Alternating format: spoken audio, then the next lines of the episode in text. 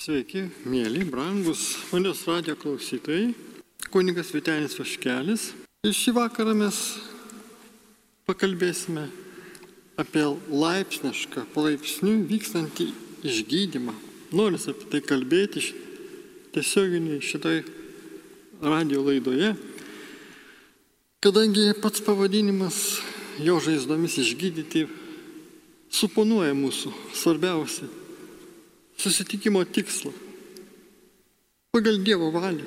Pirmiausia, būti sveikais sielos atžvilgiu, o paskui ir kūno malonių sulaukti. Ir visa tai iš Dievo gerumo ateina.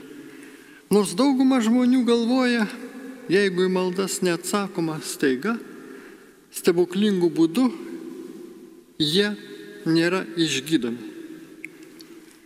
Vis dėlto Dievas dėl jam nežinomų priežasčių gydo skirtingais būdais. Jo gydimas dažnai trunka ilgesnį laiką. Tai galima būtų pavadinti laipsniškas, tolydžio stiprėjantis išgydymas, gydimas. Taip, apie tai kalbama Evangelijoje pagal Morko 8 skyriui. Pasakojama istorija apie aklą žmogų maldavusi Jėzų jį palytėti. Na, bet apie tai dar truputį vėliau. Ir sesers Bridžės Makenos patirtimi, kuri žinoma netgi pasaulinio masto gydimo evangelizacijos tarnystės, viena iš žinomiausių važiuojančių į Europos ir kitas šalis Ir buvo jinai Lietuvoje prieš keliolika metų. Ir teko susitikti Vilniui per kunigų rekolekciją su ją. Taigi lieka įspūdžiai ilgam. Ir dėkoju Dievė tau, kad galime pasiremti jos patirtim, aiškinant šią Evangelijos vietą ir jos, nors trumpai čia, galbūt kažkiek ir įsiplėsiu, bet tai bus, tai jūsų mėlyjei klausytojai, dėmesio sutelkimas į tikrai tą tokią patirtį, turtingą, prasmingą. Šitą moteris, Bridžia Makena, apdovanota Dievo dovanomis, pati išgydyta iš sunkios lygos. Ši vienuolė tarnauja viešpačiui ir mums šviečia savo pavyzdžių. Taigi kartą jinai šitą Morkaus 8, 8 skyriaus istoriją apie aklą žmogų maldavosi, kad Jėzus jį palytėtų. Štai kaip jinai savo svarstė. Jos užrašuose štai kaip rašoma. Perskaičius šį skirelį savo pasakiau. Jėzus yra Dievas Jam nereikėjo jo palytėti du kartus, nes galėjo išgydyti ir kartą prisilietęs. Man dingtelėjo mintis, kad nors gydimas ir neįvyksta iš karto, jis palaipsniui mumise prasideda tada, kai pradedam melstis. Galbūt tas žmogus ilgai vaikščiojo, matydamas žmonės, vaikščiojančius lyg kokius medžius. Ir tik vėliau sugrįžo pas Jėzų kad šis palytėtų antrą kartą ir visiškai išgydytų. O kodėl viešpas neišgydė jo iš karto? Jėzus mums nepasako to. Tačiau laipsniškas gydimas neregi labiau priartino prie Dievo. Staigus išgydymas nebūtų to padaręs. Toks išgydymo būdas paskatino į dar kartą susirasti Jėzų. Pasveikęs, kaip liūdė Evangelija, viską ryškiai matė. Ar tai reiškia, kad atnaujintomis dvasios akimis jis aiškiai matė ir Jėzų? Iš tai brydžia Makena dalyjasi patirtim, kaip kartą konferencijos metu Junktinėse valstijose priejo prie jos sutoktinium pora su mažu suneliu. Mažajam Dovydui buvo diagnozuotas smegenų auglys. gydytojas sakė, kad jis gyvens tik septynis mėnesius. Šeimoje buvo dar penki ar šeši vaikai, kurie labai sielvartavo, kad jų mažasis Dovydas mirs. Meldžiantis už juos, sesuo Brydžia suprato, kad visas, visas savo viltis jie buvo sudėję į ją. O jei tik sesuo Brydžia pasimelstų su mumis, Dievas atsilieptų ir Dovydas būtų išgydytas. Taip, jinai atsiliepė jiems, tiems tėveliams. Galiu pasimelsti tarė jinai. Bet mažasis Dovydas yra jūsų sunus. Dievas pasinaudojo jomis kaip vyrų ir žmona, kad Dovydas išvystų šį pasaulį. Dabar eikite namo ir kiekvieną vakarą melskite Jėzų, kad jį išgydytų. Tėtis Dovydo tarė. Galbūt Jėzus nenori jo išgydyti, nes netokia jo valia. O šis įprastas klausimas daugelį žmonių skatina galvoti, kad jiems prašyti išgydymo nederėtų. O štai ką reiktų atsakyti. Pirma, Dievo valia visada įvyksta. Kartu su ją ateina didžiulė ramybė ir tvirtumas tai priimti. Kai kurie žmonės išsisukinėdami sako, o tai nėra Dievo valia. Iš tiesų jie netiki, kad jis gali tai padaryti. O būna taip, kad jis nepasveiks, nes baiminasi dėl to, kad o man nepasisekė. Žinoma, kad pasisekė. Toks požiūris atsiranda, nes neteisingai suvokiama tikėjimo įtaka išgydymui. Todėl Brydžia Dovido tėčiui ir mamai pasakė, trumpam pamirškite Dievo valią, įsivaizduokite Jėzų dabar stovinti prieš jūs. Tad ko prašytumėt Dovydėliui? išgydymo, nes aš jį myliu, atsiliepė motina. Gerai tariau aš. Kasdien šito Jėzaus prašykite, byloja Brydžia. Nenuspręskite už Jėzų, kokia turi būti jo valia. Juk stebuklai tikrai vyksta. Paprasčiausiai nuoširdžiai sakykite jam viską, ką jaučiat, kad mylite mažą į Dovydą ir prašote išgydymo malonės. Daugelis žmonių Jėzui vis vieną sako, kitą galvoja. Žino, ką iš tiesų mes turime širdį mintise. Jėzus te trokšta, kad kiekvienas bendrautume su juo kaip su gyvu asmeniu, gailestingu ir mylinčiu, pažįstančiu mūsų bėdas. Jėzus žino, kaip mes jaučiamės. Jis pažįsta kiekvieno tėvo ir motinos meilę vaikams. Žino, kad būtų nenormalu, jei tėtis ar mama sakytų, Dieve, paimk mano vaiką, nes jis priklauso tau. Metų atėjus Jėzus duos tėvams tvirtumo tai padaryti, bet tai nereiškia, kad jie turėtų nustoti maldauti Jėzaus išgymo vaikų. Mūsų mokymas apie maldą ragina ištvermingai belsti į duris. Ir tada ta, susiopridžia, tiems tėvams liepia eiti namo, susikviesti vaikus, tarp kurių buvo ir paauglių, ir kas vakar kartu melsis už Dovydą. Ir jie, kaip išgirdo, kad tėvelis nežino, kaip geriausiai melstis būtų, ir nelabai mokėjo netgi, tai jinai patarė, tai kalbėkite su Jėzumi. Tegul tai bus tik tėvė mūsų ir sveika Marija. Sukalbėkite tai neskubėdami. Paraginkite vaikus prašyti Jėzaus išgydyti mažą į Dovydą ir pasakyti, kaip jį myli. O kai melsitės, dėkite rankas ant Dovydo. Ir štai kai kas nutiko. Brydžės jau štai pasakojimas apie Dovydą. Dovido tėvą sutikau maždaug po dviejų metų. Nuo tos dienos, kai meldėmės už Dovydą, nieko apie juos negirdėjau. Ir tėtis pasakė, sesė, noriu papasakoti jums gražią istoriją. Jis pasakojo, kad tuomet sugrįžę namo nutarė kiekvieną vakarą po vakarienės melsis už mažą į Dovydą. Ne vienas negalėjo išeiti iš namų tol, kol to nepadarydavo. Tėvams pavyko įtikinti vaikus, kad šie prašytų Jėzaus išgydyti brolį. Slinko mėnesį, o auglis užuot mažėjęs vis didėjo. Tada tėvas labai pradėjo bejoti, jis sakydavo, iš to jokios naudos. Švaldos. Štai reikia, kaip suprasti jo žodžius. Nes jis tikėjosi, kad visa įvyks staiga. Bet jo žmona buvo atkakli. Ne.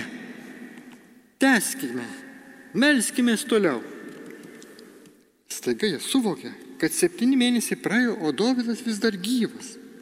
Auglys augo, bet sunus ne, neapako medikai tik sakė, kad gal jis ir apaks, jie suprato, kad visą laiką buvo susitelkę ties auglio didėjimu. Ir štai maždaug po 16 mėnesių jis auglys pradėjo mažėti. Tebesimeldžiant už Dovydą, jie stebėjo, kaip auglys mažėjo ir pagaliau visai išnyko. Ir gydytojas stebėjo visą kartu su šeima. Sesė Brydžias tarė tėvas, dabar aš jums papasakosiu, kas įvyko per Davido išgydymą. Jam pasveikus, gydytojas pasakė, visai nesvarbu, ką jūs ten darėte, teskite, nes tai veiksminga ir naudinga. Ir tik tuomet tėvas taip susivokė, kad per visus tuos dviejus metus jo vaikai buvo perkeisti. Įvykus staigiam tai išgydymui, jie niekada nebūtų to patyrę. Net ir Dovydui pasveikus pagal paaugliai vaikai neišeidavo po vakarienės iš namų tol, kol visa šeima kartu nepasimelsdavo. Taigi, malda tapo jų gyvenimo dalimi. Melsis kartu šeimoje buvo jiems gera. Tai yra ir puiku, ir nuostabu ir pamokama. Tai palaipsnio išgydymo pavyzdys. Gal ne iškart gauname, ko prašome. Bet pamaldumu augame, tai daugiau negu išgydymas, tai dvasinė mūsų patirtis, tai su viešpačiu, Jėzumi, artumo, ryšio auginimas. Taigi jis mūsų gyvenimuose veikia ir nori kad mes atiduotume visas savo gyvenimo slapčiausias rytis. Žinoma, kad Dievas nesikeičia mums melžiantis, tai malda keičia mus. Jį atitolusią šeimą pavertė artimai bendraujančią bei mylinčią viešpatį ir vieni kitus. Tai tikrai stebuklas šeimoje. Pavyzdys mums visiems kaip vis dėlto ištverminga malda suteikia nuostabių vaisių. Mes prisimenam pagal Lukas 17 skyriui apie dešimties raupsuotų vyrų išgydymą. Ten aiškiai pasakyta, beidami jie pasveiko. Mes nežinom, kiek laiko ėjo, galbūt keletą savaičių, bet kuriuo atveju jie nebūtų išgydyti tuoj pat. Jie nebuvo išgydyti. Vyrai nuėjo savo, palikę Jėzų ir tik vėliau pastebėjo, kad išgyjo. Tačiau tik vienas atėjo pas Jėzų, įveikė tą atstumą, laiko intervalą tarp Jėzaus tarnystės ir jų išgydymo. Tik vienas sugrįžo šlovindamas Dievą, kiti užmiršo. Ar netiesa, kad kartais, kai įvyksta, ko prašome maldoje, mes tiesiog priimame ir nepasakome net ačiū. Pamirštame, kad tai viešpas išklausė maldų, bet jis tik neatsiliepė tušto Kai kas sako, kad jei meldžiu išgydymo, tai tušto jau ir turiu apie tai pranešti. Tarkim, meldžiuosi už kažką, kam skauda galvą. Kai kurie žmonės tiki, kad norint išgydyti, reikia sakyti, jog skausmas praėjo net tada, kai tebe skauda. Jei tau vis dar skauda galva, vadinasi, dar nesi išgydytas. Nors viešpas ir neša pagal Dievo savo valią per angelą dovaną išgydymo. Bet kartais kaip tik reikia sielos raupsus pašalinti, kad pamaldumas įsiliepsnotų širdyje, kad su Dievu ryšys atsinaujintų. Tai daugiau negu fizinės negalios pašalinimas, dvasinis išgydymas. Taip, sielos išgydymas per susitaikymą sakramentą, per tikėjimą, per bendravimą su viešpačiu. Taigi išgydymas tai, kas vyksta palaipsniui. Kartais ir vaistus vartojam, ir operaciją panaudojam, ir nuolatinę maldą. Svarbiausia, ją praktikuojame. Ir štai dar, tai bus dar subridžia pabendravimas, jos patir, pasinaudojimas patirtim, pavyzdžių, čia jau su dvasininkai susisėsime. Nes kai kartą jinai vedė rekolekcijas su kunigu Kevinu Skalonu Australijoje, sutiko vieną seserį, kuri šlubavo po persirkto poliomelito. Ji turėjo įvairaus ant kojų ir, nugaros, na, tokius specialius tiksliau, įtvarus po to, kai tėvas Kevinas suteikė ligonių patepimo sakramentą, toji moteris išbuvo koplyčioje aštuonias valandas. Visą tą laiką nepakeitė padėties ir visas jos kūnas ėmė drebėti. Buvo Bridžiai įsitikinusi, kad tai prasidėjo išgydymo procesas. Ir štai su to įsitikinimu iš patirties ir tėvo malonės šventos dvasios apšviesta pasakė tai moteriai, moteriai sesė, Dievas jūs gydo.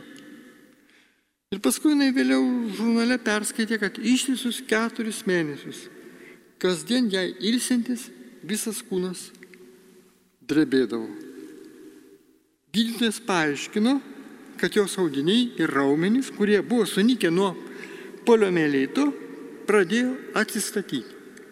Jis patvirtino, kad sesuo pamažu sveiksta ir įtvarai buvo nuimti. Taigi išgydymas neįvyko tą pačią dieną gavus ligonių patepimą. Jis tik prasidėjo tą dieną ir tęsiasi kurį laiką. Taip paskutinį kartą buvo teiraudėjimas tas gymas tebevyko. Jos kūnas, kaip aiškino gydytojas, atstatomas veikiant Dievo malonį. Taigi ir gydytojai matyti. Viešpas suteikia palaimą dar labiau tikėti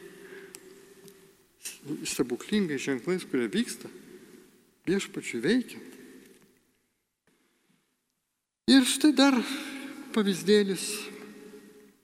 Dedant rekolekcijas Japonijoje, o tai vyko taip pat su Bryžė su kunigu Kevinu kartu į ten nuvykusi skelbė žodį. Ir vienas airių kunigas jai pasakė, Bridžė, būtų taip lengva patikėti, jeigu aš galėčiau pamatyti stebuklą. Tėve, viešpas per jūs kiekvieną rytą daro stebuklą. Žinau, tarė, tai susijęs su šventomis mišiomis, bet aš galvoju apie ką kitą. Jeigu tik išvyščiau išgydytą aklą ar žmogų nesveikom kojom, būtų lengva patikėti.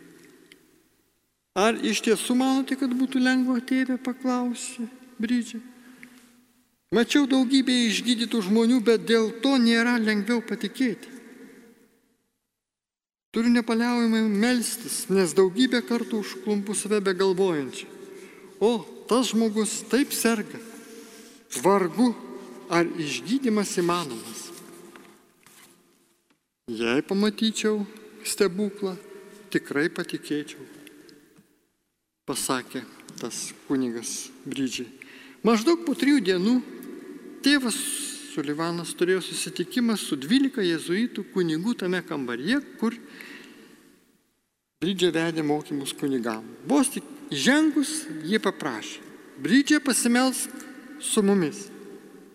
Pasimeldė. Tarp jezuitų buvo pagyvenęs prancūzų kunigas.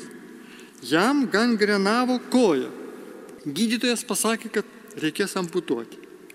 Tuomet kunigas paprašė jo leidimo dalyvauti rekolekcijose prieš amputaciją. Tėvas, kunigas Frankas, pakvietė mus sustoti ratu ir melstį išgydymą. Kitą rytą mes ruošėmės pusryčiauti. Prancūzų kunigas jau link manęs ir nepaliaudamas kešiojo rankomis, darydamas įvairius gestus, bei rodydamas į dangų ir savo širdį. Visi žiūrėjo į jį, o viduj švelniai Bridžė nusišypsojo ir pagalvojo. Vargšas vyras krausos iš proto arba jam širdies priepolis. Ir tiesiog pasitraukė. Nuėjau, nu, nuėjau pusryčiauti Bridžė, o, kai, o tas kunigas įbėgo į kambarį su atraitytomis kelnėmis, visiems rodydamas, kad jo koja visiškai išgyjo. Per tris vietas sėdėjo vienas toks jos draugas Airis. Jis pažvelgė ir pasakė, tėve, štai stebuklas, apie kurį taip neseniai kalbėjote.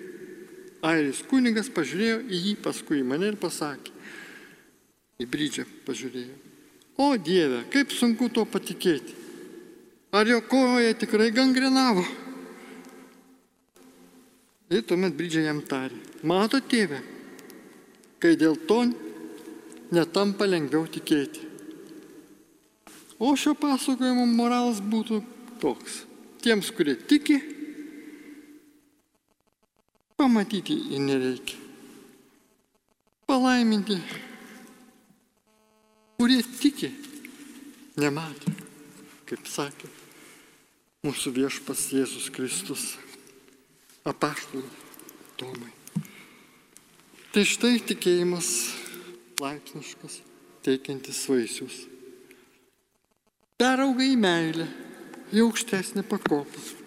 Ir štai čia norėtųsi jau, kiek dar mes turime laiko, skirti kaip tik apmąstymui, kaip galim pasinaudoti tuo viešpatės mums duotų tikėjimu, kuris peraugtų į, į meilę, tarnystę meilę, meilėje, artimui, kai žmonės serga.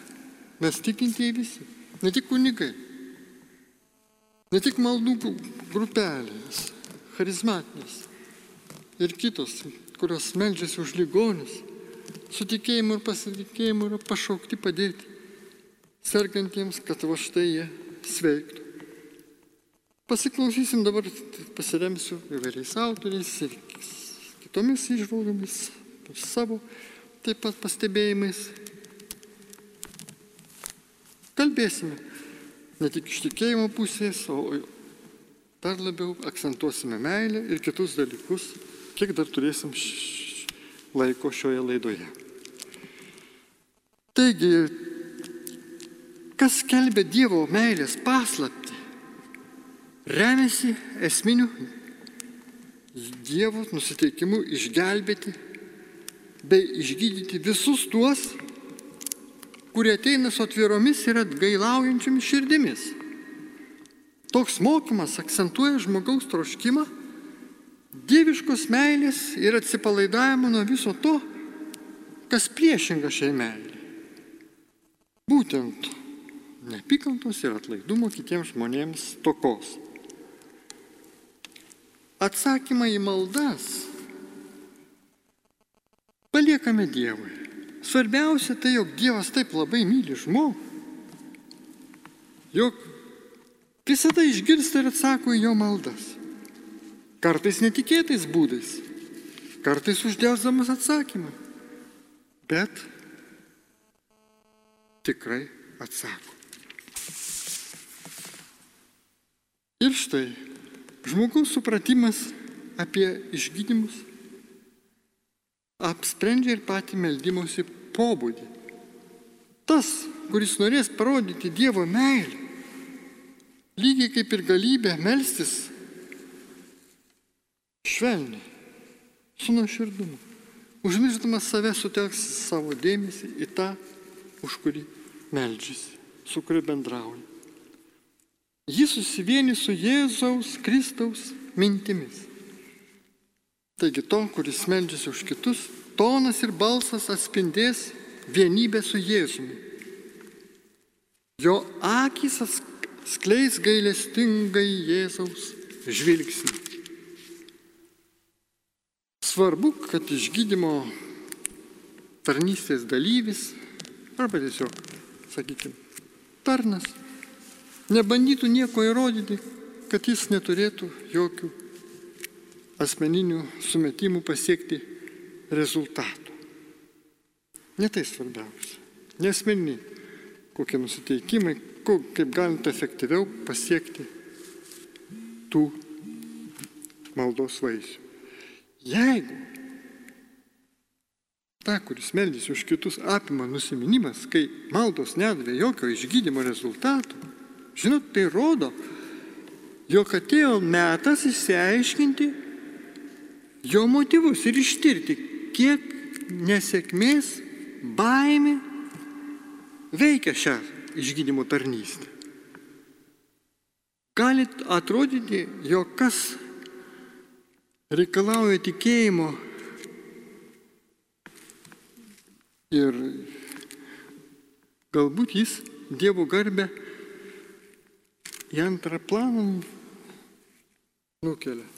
Jam svarbiausia, kad va štai jis būtų žinomas kaip išgydymo tarnystėje atliekantis, toks va štai pasižymintis išgydymo malonėmis žmogus. Bet svarbiausia čia viską palikti Dievo valiai, jo veikimui. Turime ir vėl prisiminti savo, jog išgydymo malonės dovana yra Dievo dvasios apreiškimas per mus, kurie melžiamės už tos, kuriems, kurie laukia iš mūsų, ilgesingomis širdies akimis žvelgdami į mus, o prašydami, pra, norėdami, kad Dievas prisiliestų per jų širdies tolimiausių kampelių. Na dabar trumpai sustaptelsime, nes gavom žinučių, meldžiu užtarti Marijos, Teresės, Dianos sveikatą, prašo Algimantų sveikatos. Mes kartu, mėlyje Marijos radio klausytojai, palaikom šias intencijas, mes kreipiamės į tave viešpatį visą gali Dievę. Padėk tiems mūsų broliams sesėms, kuriems šią valandą sunku. Išklausyk mūsų maldas, o mes tave garbinam ir šlovinam, nes žinom, kad tu su mumis šią valandą esi draugė.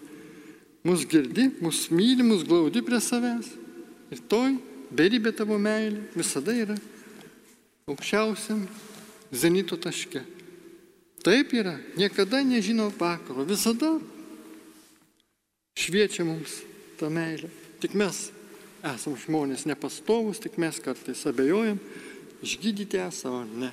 Esam išgydyti visada, kad atėjus su nuolankė širdim pas tave Jėzau ir sakom, va viešpatė, iškirsk ir išklausyk mūsų maldas, mūsų brolius, seseris. Ačiū Dievė už tai, už ką dabar ką tik pasimeldė, už tos brangiosius, kurie prašė per žinutės sveikatos, palaiminimų, gausos. O mes dar susimasom ir toliau tęsime. Taigi, per mus kaip viešpas veikia, o tai ir nebejoti, daugiau ar mažiau savo norų, numatytų laikų ir tam tikroje vietoje. Tai nėra kabutės savybė, kurią turime. Ir galime panaudoti savo nuožiūrą. Tai yra laikina dovana malonė. Tai yra praeinantis Dievo dvasios impulsas. Jis vyksta per mus, kad padėtų kažkam kitam. Daugumoje išgydymų dalyvauja trys asmenys. Dievas ligonis ir išgydymo tarnas. Kunigas ar maldos grupelės narys, turintis patirtį. Ir štai mūsų, kiekvieno, kuris, kurie melžiamės už kitus, darbas yra pasimelsti tikėjimo malda ir tuomet paprasčiausiai pasitraukti iš kelio, viešpačių leidžiant veikti.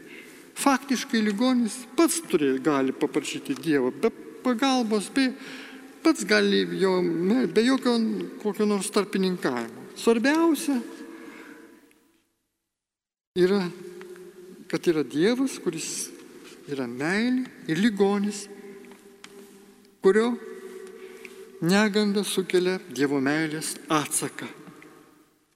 Paprasčiausiai,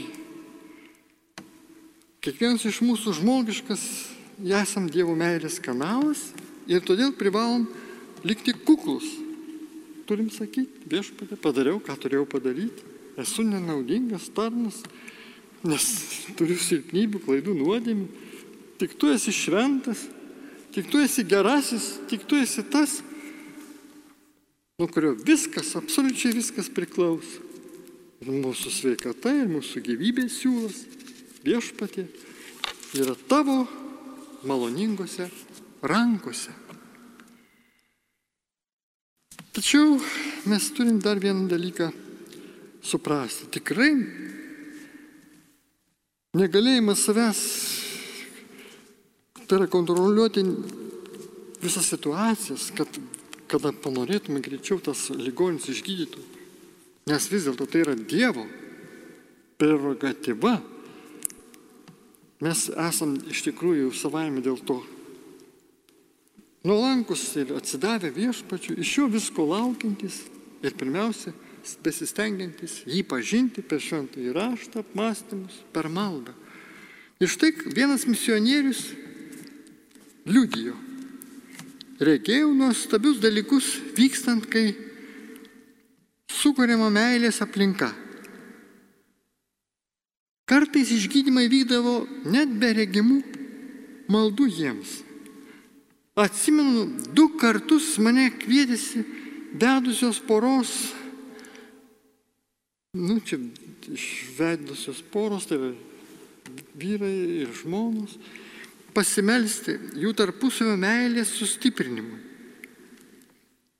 Vienu atveju, kai mūsų grupė meldėsi, čia konkretus vardai, už Čeką Alysą, prašydami paprasčiausią jų meilės sustiprinimo, tai tuomet sistant tos Alysos pėties varginusi, ją jau kuris laikas pradėjo trauktis ir išnyko palydam, palydima karšto jausmo. Panašus atvejis įvyko, kai keliese meldėmės už protestantų misionierių ir jo žmoną. Ir vėl maldose paprašėme jų tarpusavio meilės ryšių sustiprinimo. Ir kai baigėme melstis, vyras aiškiai stebėjosi liesdamas savo pilvą, nes jis kartojo, tai praėjo, praėjo. Tie, kurie meldėsi už juos, stebėjosi, kas čia įvyko, kol jis nepaaiškino, jog tik ką buvo išgydytas nuo pilvo išvaržos varginusios jį jau keletą metų. Laikas nuo laiko pastebim, kaip žmonės išgydomi ne vien per tiesioginės maldas, bet paprasčiausiai tarpusavio meilės pareiškimu. Tai atrodo, jog Dievui kartais malonu veikti meilės aplinkoje. Ir visada tai jam brangu. Paliesti ir išgydyti žmonės, stipriai mylinčius jį ir vienas kitą. Besimeldžiančio išgydymui asmens nusiteikimas sudaro tam tikrą išgydymo proceso dalį.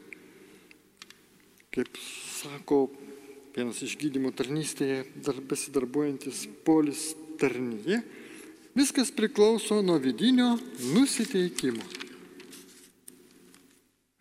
Štai jūs duodate patarimą vaikui, jūsų vidinė emocinė būklė kur kas svarbiau nei pats patarimas. Jūs galite skatinti, jūs, jūs gali veikti ir baimės dvasia, nes kai jis ateina blogų kelių, iš šiuo atveju net nesuformuluodamas tų žodžių, kai linkit kažko gero kalbat, bet tai, kas yra jum, jūsų, jūsų vidus, viduje, persitoda kitam. Taigi va štai tas ten jie, išgydymo tarnautojas, perspėja, kad tie, kurie pasižymė aiškiai išgydymo malonės dovana, kurie turi, meldėsi už daugelį žmonių, gaunam ir gauna gerus rezultatus, nestulbinančius, tačiau štai kas būna, kai kurie tuo pat metu sukeldavo tam tikrą nerimą ir baimę. Nors ir skatinami išgydymus, jie sužeisdavo daugelį žmonių, sukeldami nerimą ir baimę. Ir štai ką jis dar sako, tikiu, jog kiekvienas išgydymas turėtų kiekvienam išgydytam žmogui suteikti betarpišką Dievo buvimo, jo galybės ir meilės jausmą. Ir jokių būdų neužgauti jo jausmų. Ir čia va jau pasirėmėm garsios pasaulį, prieš kelis dešimtmečius besidarbavusios Junktinės Amerikos valstijose Katrinos Kulmanta, evangelistės patirtimi. Jis tai štai ką sakė. Šių stebuklingų pamaldų metu sukūrėme meilės ir susitaikymo bendruomenę. Žmonės jaučiasi pakankamai saugus ir nusimeta baimės, nepasitikėjimo egoizmo barjerus, kurie trukdė pil, pilnai bendrauti su vien, ne vien su artimaisiais, bet ir giliau pažinti pačius save. Ir štai tai išlaisvinimas iš savęs izoliavimo. Žmogus iš, ištirpsta grupėje, mylinčioje šeimos aplinkoje, kur kiekvienas priimamas, nežiūrint jo klaidų. Jis susitapatina su kitų poreikis. Ir kartais pamirštamos negandos, poreikiai besimeldžiant už tą, kurio nelaimė didesnė. Ir štai šiame savęs pamiršime, kai tai atsitinka, tas žmogus yra išgydomas. Kiekvienoje išgydymo maldoje turime šauktis Dievo galybės ir meilės. Tačiau pirmenybę turėtume teikti meiliai. Galios autoriteto pareiškimas ir paremimas pažadais tinka evangelistam turintiems gilę patirtį išgydymo tarnystėje. Tačiau dažniausiai meilės kelias slepia kur kas mažiau pavojų suklydimams. Nes būtent tas įsakmus tarnavimas, ypač turint omeny dovanų gausumą, išgydymo tą dovaną, iš Dievo gaunama. Tikrai yra bažnyčios istorija tokių atvejų, ypač, protestantų išgydymo istorija, kai va štai žmogus pernelik sakliaujasi savimi, o ne pačiu viešpačiu. Būna ir taip. Ir nors išvyksta į išgydymai, bet kaip jau buvo minėta, būna sužeidžiami tam tikris jausmai, tie tos palčiamos, jautrios sielos stygos. Ir jos va štai užgaunamas nors žmogus ir gauna tą tiesioginį, pavyzdžiui, fizinį kūno išgydymą. Taigi, jei turėčiau visą tikėjimą, kad galėčiau net kalnus kilnoti, tačiau neturėčiau meilės, aš būčiau niekas, kaip skaitome pirmam korintiečių laiške. Ir ši tiesa yra šventa mūsų gyvenimo kelyje Mes stengiamės viešpačiui atsiduoti, pavesti savo rūpešius šią valandą. Ir šį vakarą dar kartą prisimindami visus savo artimuosius, tuos, kurie prašo iš sveikatos, iš gydimo dovanų. Ir štai dar gauname. Kaip tik va, žinutė, Bernardinai sveikatos prieš klubo sąnario operacija Dievo palaimus. Viešpatė Bernardinai tai suteikia šią valandėlę mums, čia visiems už ją besimelčiant, tos malonės. kad pavyktų tą operaciją, nes ji yra dabar štai kaip tik mūsų akiratė maldos, akiratė. Prašom viešpatį. Teikis išgirsti ir išklausyti mūsų silpnų žmonių, bet tavim pasitikinčių, vadinasi, pasikliaujančių tavo išgydančią malonę. Per medikus, kurie tai atliks, Dieve veik. Nuženk šventoji dvasia. Pripildyk va štai medikų širdis, kurie operuos. Tegul jų pirštai mikliai atlieka savo darbą, o svarbiausia jų noras padėti ligoniui tampa Dievo valios įsipildymo rezultatu. Tu jį, mūsų ligonėlį, sveiksta. Dėkojam Dievui tau. Šlovė ir garbė tau, pavyks savo operaciją. Nes kartu mes su tavim Dieve melžiamės. Ir dar galime,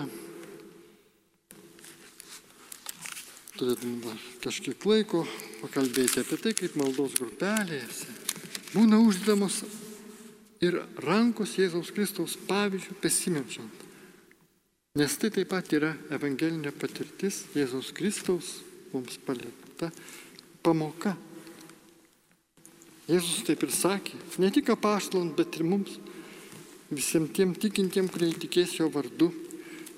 Jie dės rankas ant ligonių ir tie pasveiks. Aišku, kad tai nėra pagrindas, jeigu jaučiate, kad žmogus, už kurį melžytės, nuo to sutriks arba geriau jausis, jei išlaikysite distanciją. Tuomet visomis išgalėmis gerbkite jo jausmus. Gerbkime jo privatumą. Ir kartais nereikia rankų net ir dėti, galima jas o štai tik iškėlus rankų palaikyti. Ypač dabar, kai išlaikom ir atstumą tarpusavį. Malda pasiekia. Įveikia tolimiausius atstumus ir ligonėliai. Tikrai būna labai jų sveikata pagerėja arba net pasveiksta. Taigi visų pirma galime teikti, kad yra išgydymo galios srovė, kuria išgydymo tarnautojas, tas žmogus, kuris meldžiasi, perdeda ligonių, per jį viešpats veikia. Pats Jėzus patyrė šį galios išeimą taip, jog galėjo jį jausti. O mes žinome, kad viena moteris 12 metų sirgusi kraujoplodžių priejo prie jo, prisilietė, kraujas be matant liovėsi plūdės. Jis savo sakė, kad kai prisiliesiu, tai ir pasveiksiu, nes buvo duota jai toks tikėjimas. Jėzus klausė dar, kaip mes prisimenam, kas mane palėtė. Visiems bes, besiginant, va štai ir Kristus dar kartą pasakė, mane kažkas palėtė, nes aš žinau, kad iš manęs išėjo gale. Tai štai, kai kurie žmonės jaučia tą analogišką galios perdavimą, kartais taip švelnų, kaip švelnę elektros srovę, kartais kaip šilumos klydimą. Kaip bebūtų, ji dažnai susijusi su išgydymu. Taigi, galima sakyti, kad tai malda įsigerinti į žmogų, jos sielos kerteles ir paskui perinant ir kūną tą negalį šalinantį, sveikatą teikiantį. Aišku, viskas vyksta, vykstant pagal Dievo valią. Tai atsiskleidžia būtent per tą žmogų, žmogiškai rankų uždėjimo privalumą. Taip, tai yra ženklas, esminis dalykas, ne pačios rankos, bet širdžių nusiteikimas ir tikėjimo pirma prioritetas. Rūpėsis ir meilė kur kas geriau perdodami prisilietimu, nes ne vien tik žodžiais. Taigi žmogus, kuris meldžiasi už kitą, sąsybę va štai, jausdamas tą dvasinį patepimą, Dievo malonės veikimą savyje, Nori, kad tai būtų perduota ir kitam. Tam, kuris šalia, kuris prašo išlaisvinimo, išgydymo, šventosios dvasios malonių pripildymų. Tai štai viešpatė, atverk ir mūsų širdis šį vakarą, pripildyk mus, kad jos būtų sklidinos tavo meilės, tavo gerumo, nes patys iš savęs mes tą žmogišką, žmogišką šilumą teikdami, gerumą, negalėsim išgydyti kitų žmonių. Ne, per mus negalėsi veikti, jeigu nesišauksim tavo vardą. Negalime taip per daug tiesiog persimti savo prigimtinių gerumų, savybėmis, kurias pastriam savyje, bet prašyti, kad tu viešpatė tos, tas mumise žmogiškas dovanas sukilnintum, pakeltum į tokį aukštesnį dvasinį lygį, kad galėtum pasinaudoti per mūsų nuoširdų žodį, taigų jiems tariant, per mūsų gestą, per mūsų kitokį darbelį, tarnystę. Tegul mato žmonės, kad esam kaip miestas pastatytas ant kalno. Norime šviesti kiekvienam sužeistam, silpnam, tikėjimą praradusiam žmogui, vilties netekusiam. Ar net va štai nauja korona delta viruso atmaina sergančiam ir jau beišeinančiam iš šio pasaulio. Viešpatie, padėk mums solidarizuotis maldose. Ir kas, kada kreipsis į mus, prašydami pagalbos, ar net pasimelsti, būna šitai tikrai prieina ir prie jūsų, mėly Marijos Ajo klausytojai, kai kada, kai mato jūs besimeldžiančius. Dievas paskatina net kitus pasauliečius tikinčius, turinčius problemėlių. Pasinaudokim tą galimybę. Nesakykim, kad tai kunigas ar kitas maldos, kokios charizminės grupelės narys turi būti nemelstis. Ir man Dievas duoda tą norą. Va, atėjo žmogus, Dievo pasiūstas. Pasimelsiu, palaiminsiu, kaip sugebėsiu. Padėk jam. Taigi viešpas nori mūsų bažnyčios narius visus įtraukti šitą tarnystę. Nori, kad mes galėtume paštalauti, nori, kad ne vieni būtume, nori, kad būtume gyva bendruomenė, persimusi tikėjimu ir pasitikėjimu viešpačiu. Taip ir šį vakarą viešpatė laimink tuos, kurie turi kokius e, rūpešių, nerimo širdyje. Ir galbūt va, dėl tų dalykų nenorės, negalės užmygti. Gal jų va štai sapnai bus kartais košmariški. Tai būtent tai ženklai, jog mes turime viešpatį, tau viską patikėti. Turime iš vakarą nuoširdžiai pasimelsti už savo tėvinainius, už visus tos silpniausius visuomenės narius. Nes kas, jei ne mes, melsimės už juos. Ir visa tai be abejo su tikėjimu daryta, daroma bus, bet ypač su gailestingai Dievo meilė, viešpatė. Tad kad galėtume tą meilę išreikšti ir perteikti kitiems, prašome, ateik šventoji dvasia, pripildyk mūsų širdis ir uždek juose tikėjimo, vilties ir meilės ugnį. Tik ta ugnis ir dildys visas mūsų nuodėmės, visas silpnybės, visas, visus trukdžius, barjerus naikins ir teiks gyvosios dvasios veikimo šviesą. Uždek mus viešpatė pačiu savimi, kad ne savimi, o tavimi liepsnotume kiekvienoje gyvenimo situacijoje. Baigiame laidą ir linkime jums palaimus visiems brangiem Marijos radio klausytojams. Prie mikrofono buvo kunigas Vitenis Vaškelis su Dievu.